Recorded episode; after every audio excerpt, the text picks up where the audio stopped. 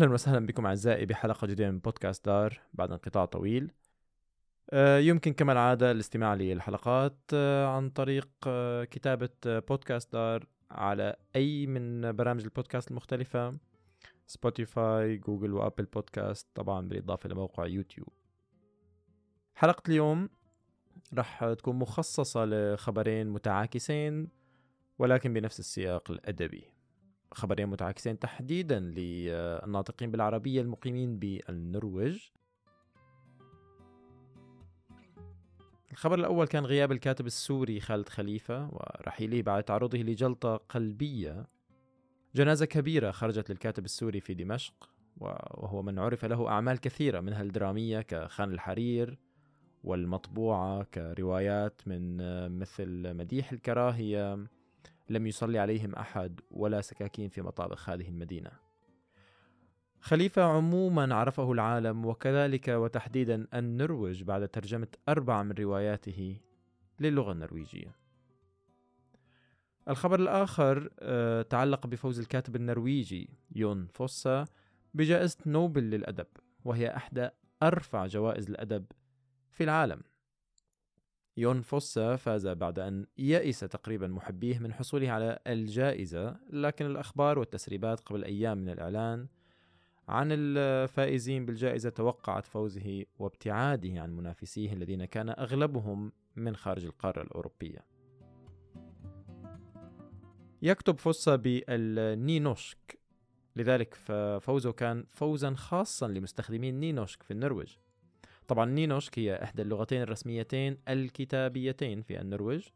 تم تطويرها في القرن التاسع عشر كجزء من الحركة الوطنية النرويجية وهي مستوحاة بشكل أساسي من اللهجات النرويجية الريفية واللغة النرويجية القديمة. تستخدم النينوشك بشكل أساسي في بعض مناطق النرويج الغربية وهي واحدة من اللغتين الرسميتين التي يمكن استخدامها في الوثائق الحكومية والتعليم. فوسا من مواليد 1959 في مدينة هوجسون وهو ينتمي لغرب النرويج ويظهر ذلك واضحا في معظم مقابلاته. أول تصريح له بعد الفوز بالجائزة كان أنا سعيد لأنني في بيرغن ولست في أوسلو. أحتفل في المدينة التي أحب. ترعرع فوسا في بلدة كفوم في غرب النرويج ودرس الأدب المقارن في مدينة بيرغن هناك أو هنا فعليا في بيرغن كتب فوسا أول رواياته التي نشرت في جريدة الطلبة عام 1981 اسم الرواية كان هو أو هن ومنذ البدايات ظهر أسلوب فوسا الغريب بتناوله للصمت في شخصياته حتى أنه وصف بأنه يمنح صوتا للصامتين. كانت لفوسا قصة طويلة مع الدين والإلحاد حيث قام بتسجيل خروجه من الكنيسة النرويجية اللوثرية في التسعينات واعتبر الإلحاد هو الإجابة الوحيدة على معضلة وجود الإله بالنسبة له. لكنه بدأ يعود آه، جديدا للسردية الدينية عموما من جديد عندما اعتنق الكاثوليكية قبل حوالي العشر سنوات. أظهر أيضا آه، فوسا قرارات راديكالية أخرى في حياته. حيث قرر قبل بضع سنوات الإقلاع تماما عن شرب الكحول بالرغم من شهرته السابقة بحبه للكحول وتناوله لكميات كبيرة من الكحول في بارات برغن بعد الفوز بالجائزة عاشت مؤلفات فوسا إقبالا كبيرا ونفذت نسخ من كتبه في متاجر نورلي. مترجمة روايات فوسا للغة العربية الكاتبة شيرين عبد الوهاب صرحت بأن دار كرما التي نشرت أعمال فوسا سابقا تقوم حاليا بطباعة نسخ عديدة بسبب الإقبال الكبير على قراءة أعماله باللغة العربية. في حديث لبرغن ستيدنا تقول عبد الوهاب أن أعمال فوسا مناسبة للصوفيين بشكل خاص خاصة أنه يتحدث كثيرا عن مواضيع مثل الحياة والموت التي تشغل العقل العربي بشكل كبير. جدير بالذكر أن شيرين عبد الوهاب قامت بترجمة رواية صباح ومساء وكذلك ثلاثية آه، تريلوجين. للراغبين في أعمال فوسا فإننا نبشركم بخبر سعيد أن رواياته قصيرة جدا حيث لا تتجاوز معظمها ال 150 صفحة وبعضها حتى لا تتجاوز ال 70 صفحة. بشرة أخرى هي أن كتابات فوسا سهلة القراءة مما يجعلها مناسبة لجميع الأعمار وللأشخاص العاملين في مختلف المهن.